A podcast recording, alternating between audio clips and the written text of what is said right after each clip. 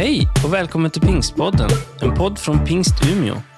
Jag hoppas den ska uppmuntra dig och leda dig vidare i din tro. För att få mer information om Pingst Umeå och allt som händer i kyrkan, gå in på umia.pingst.se eller följ oss på Instagram och Facebook, at pingstumia.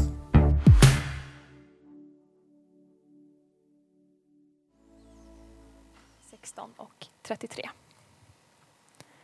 Detta har jag talat till er för att ni ska ha frid i mig. I världen får ni lida, men var vid gott mod, för jag har övervunnit världen.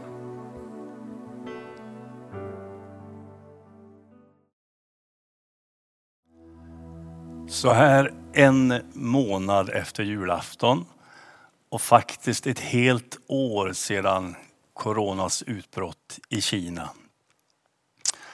så vill jag tala lite grann om mod. Du har hört texten som Sandra läste, Jesu egna ord. Var vid gott mod. Jag har övervunnit världen. Och jag vill ta dig med och försöka skildra och förhoppningsvis att du kan relatera till eh, lite olika slags mod som vi kan mötas av. Naturligtvis vill jag att du ska ha med dig att vara vid gott mod. Men det finns också ett missmodets dike och kanske ett övermodets dike också som vi kan ramla, halka i. För vägen är smal som Bibeln säger. Så låt mig få ta dig med på den här resan några minuter. När Jesus säger de här orden så är det egentligen en stor, stor kris som lärjungarna är mitt uppe i. Det börjar gå upp för dem någonting fasansfullt från deras perspektiv. Jesus är på väg att lämna dem. Eh, det här avsnittet, eh, eller det här området eh, som finns i Johannes evangeliet, det börjar egentligen redan i kapitel 13. Jesus instiftar det vi brukar säga nattvarden, det närmar sig påsk. Han talar om det nya budet att älska varandra. Han visar att han går, går till det yttersta i sitt, sitt tjänande där han servar lärjungarna, vilket var fullständigt otänkbar tanke just för lärjungarna. Han talar om eh, att inte vara oroliga i kapitel 14. Eh, men det är som att det inte riktigt går in hos lärjungarna. Jesus ska lämna oss. Hur ska det bli? Det är därför jag tycker så väldigt mycket om det här anslaget, perspektivet som Jesus ger. För han säger, jag har övervunnit världen. Alltså det är som att han talar om den framtid som om den redan hade infriats. Strax efter det att han har talat här så går han ju lidandets väg. Han blir förrådd, han hängs uppe på ett kors, han dör, han begravs. Och så kommer påskundret, han uppstår, far upp till himlen och så vidare. Men han talar det här så att säga profetiskt. Jag har övervunnit världen. Och det är just det där anslaget som jag tror Jesus också vill på något sätt eh, hjälpa dig att få till ditt hjärta. Var vid gott mod. Jag har kontroll. Eh, det skulle jag vilja att du fick smak på. Det är ungefär samma ord som Paulus säger till eh, sin, eh, ja man kan säga andlige son eh, Timoteus. Han ser och förstår att slutet närmar sig för hans tjänst här på jorden. Då säger han tre saker som är någon slags triumfatorisk eh, sammanfattning av hans livsväg och livsval. Jag har kämpat den goda kampen. Jag har fullbordat mitt lopp jag har bevarat tron. Det är samma Eh, framtidsperspektiv. Inte naivt, inte världsfrånvänt. Han var väldigt realistisk och jordnära. Men också ett perspektiv på det som väntade. Ja, missmod. Det är väl inte så roligt att tala om det. Men du som aldrig har varit med om missmod, du kan gå och koka kaffe och göra något annat. Men till dig som förhoppningsvis känner igen dig att ja men det, det känner jag igen. Vi kan fortsätta pratas vid här. Det berättas i Bibeln om en som heter Gideon. Det är väldigt länge sedan det här. Det var innan Israel fick sin första kung. Då berättas det om en eländig situation. Deras Israels eh, fiender midjaniterna hade liksom erövrat landet. Eh, man hade bränt vetefälten. Det Israel försökte så, det brändes ned och skördarna blev nästan ingenting. Ja, det var så eländigt så att det står i, i Domarboken kapitel 6 att eh, de, de höll till och flydde till hålor och grottor.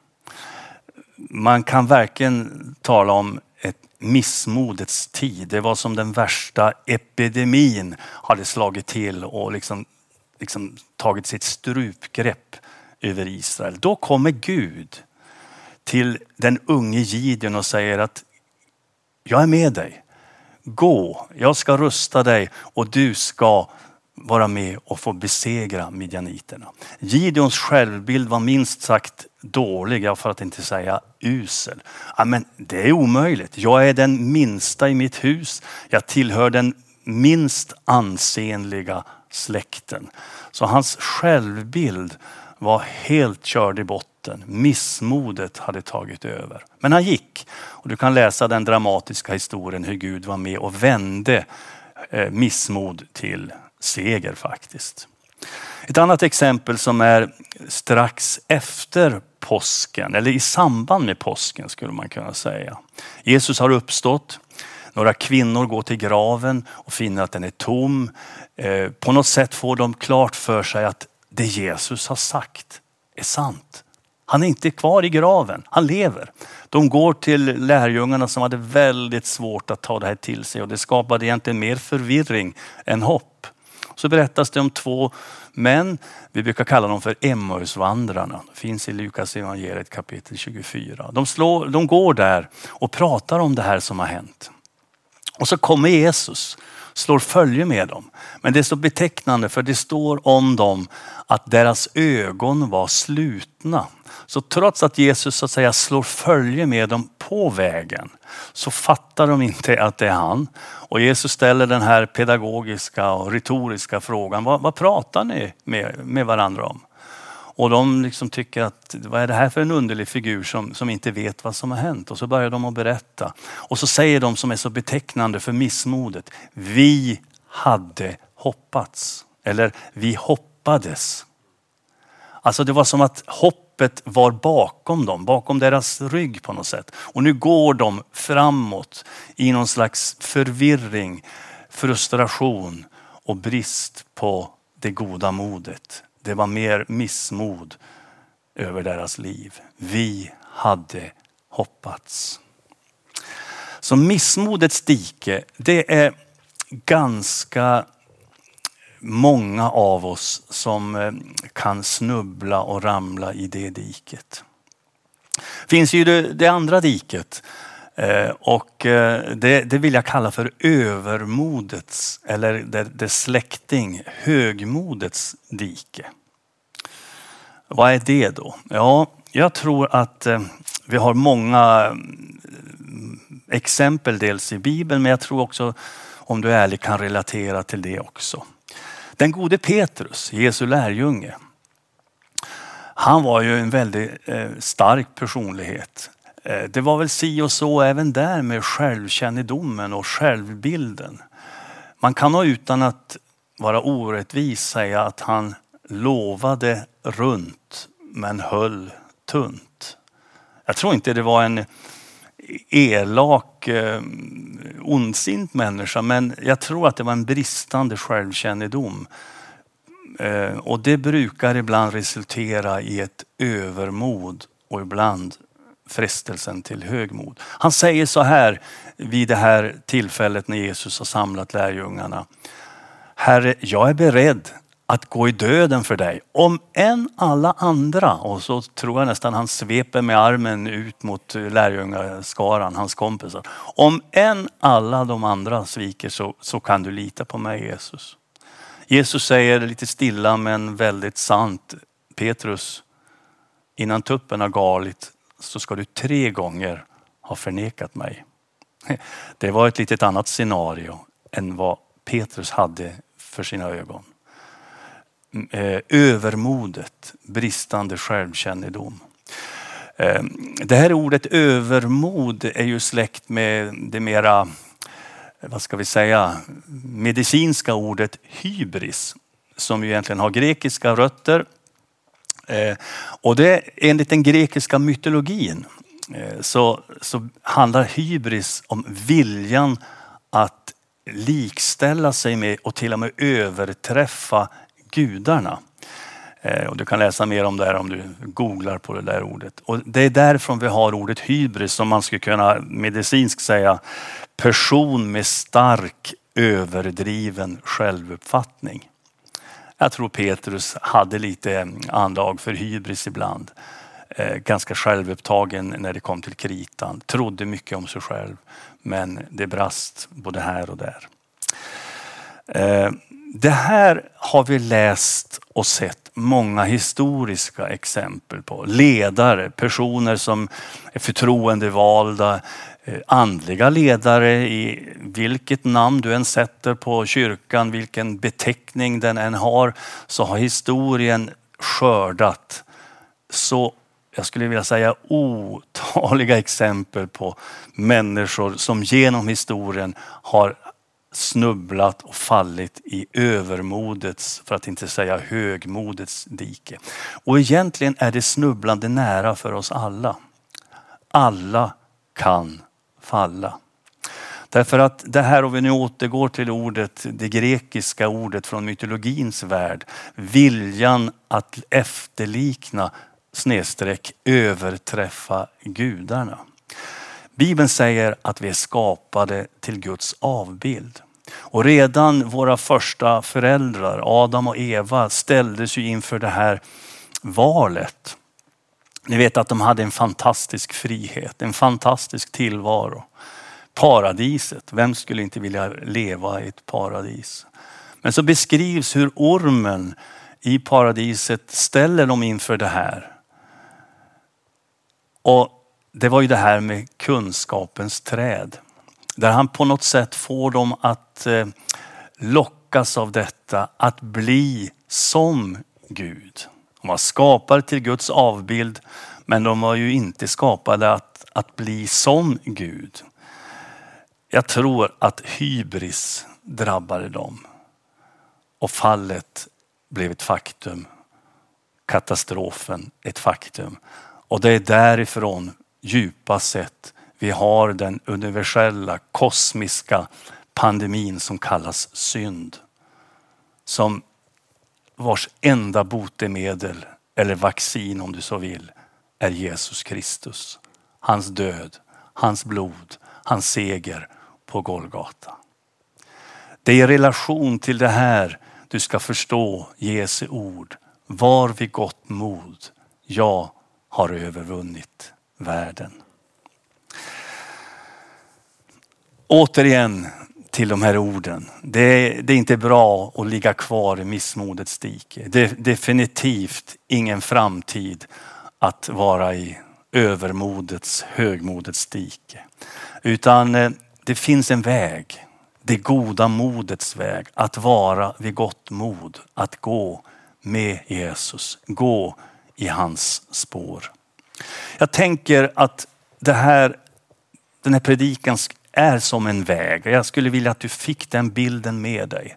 Tänk dig en smal, vindlande väg som går lite upp och ner, höger, vänster med diken på båda sidor. Det är nära till både det ena och det andra. Eh, det finns en underbar berättelse om Paulus i Apostlagärningarna 27. Han har vädjat till kejsaren. Han har vädjat om sin, eh, med tanke på hans medborgarskap, att få sin sak prövad. Han förs från Jerusalem till Rom, till kejsaren, via en mycket vådlig eh, fartygsresa. Det blåser upp till storm och det står uttryckligen i vi-form. Det är Lukas, läkaren, som skriver. Efter några dagars ihållande storm hade vi förlorat allt hopp om räddning. Observera, vi hade förlorat all hopp om räddning. Alltså det fanns en modlöshet över hela besättningen, över hela passagerarlistan. Men så står det om Paulus, han träder fram i denna modlöshet, i denna hopplöshet.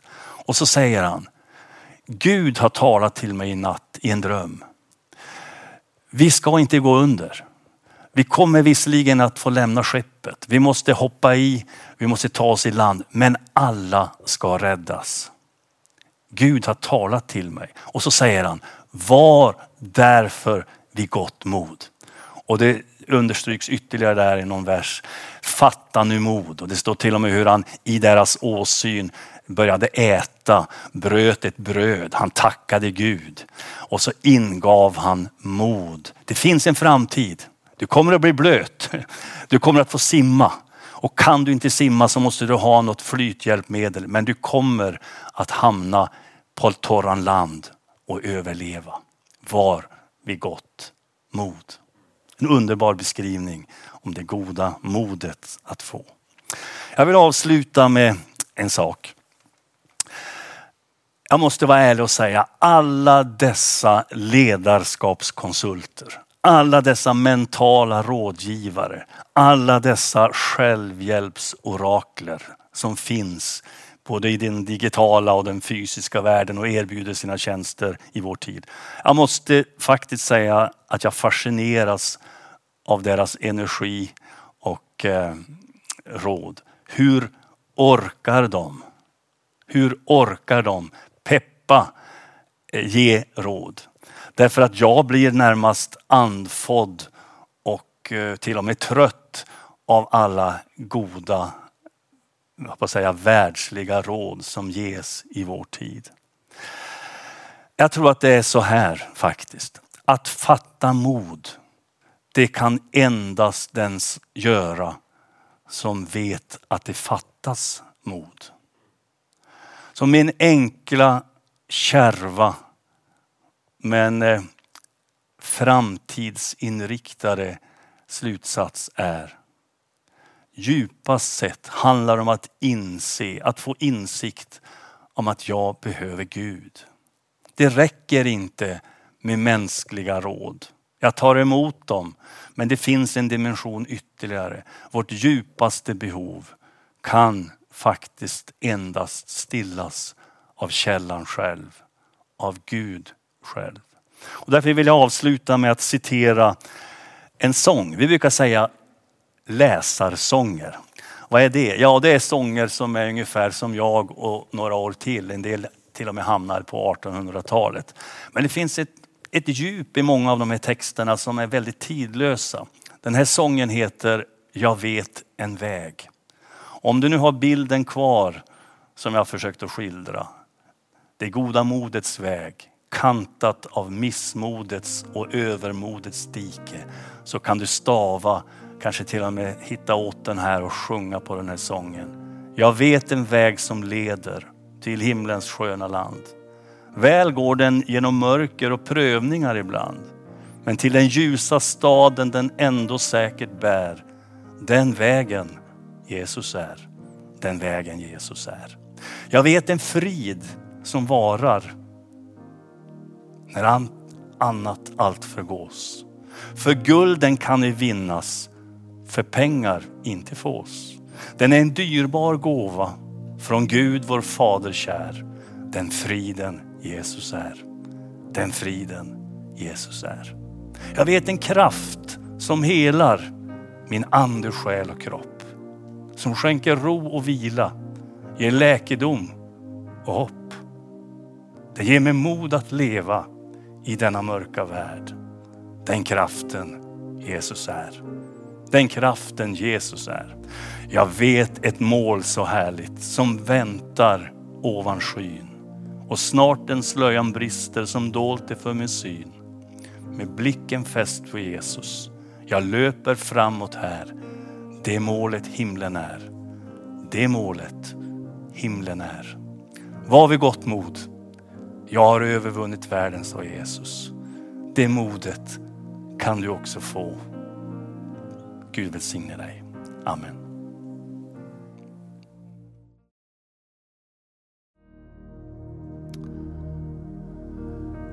Det var i de övre tonåren, jag och min lillebror David skulle följa med pappa på vårt skogsskifte. Vi skulle titta till gränserna och hugga upp rågångarna och vi följde med. Han hade packat, eller det var väl mamma som hade packat ryggsäcken med god fika och så gav vi oss iväg. Det var ett långsmalt skifte, flera kilometer långt men ganska smalt. Och vi gick där, tog rygg på pappa. Sanningen att säga att vi var helt vilse, brorsan och jag. Och efter en lång vandring där vi både blev trötta och lite hungriga så kunde jag inte hålla tyst längre utan jag sa till pappa, men du, eh, vi måste nog tillbaka nu. nu. Var, var, var är ryggsäcken? Vi skulle fika. Han stannade upp och han var ingen man av stora ord.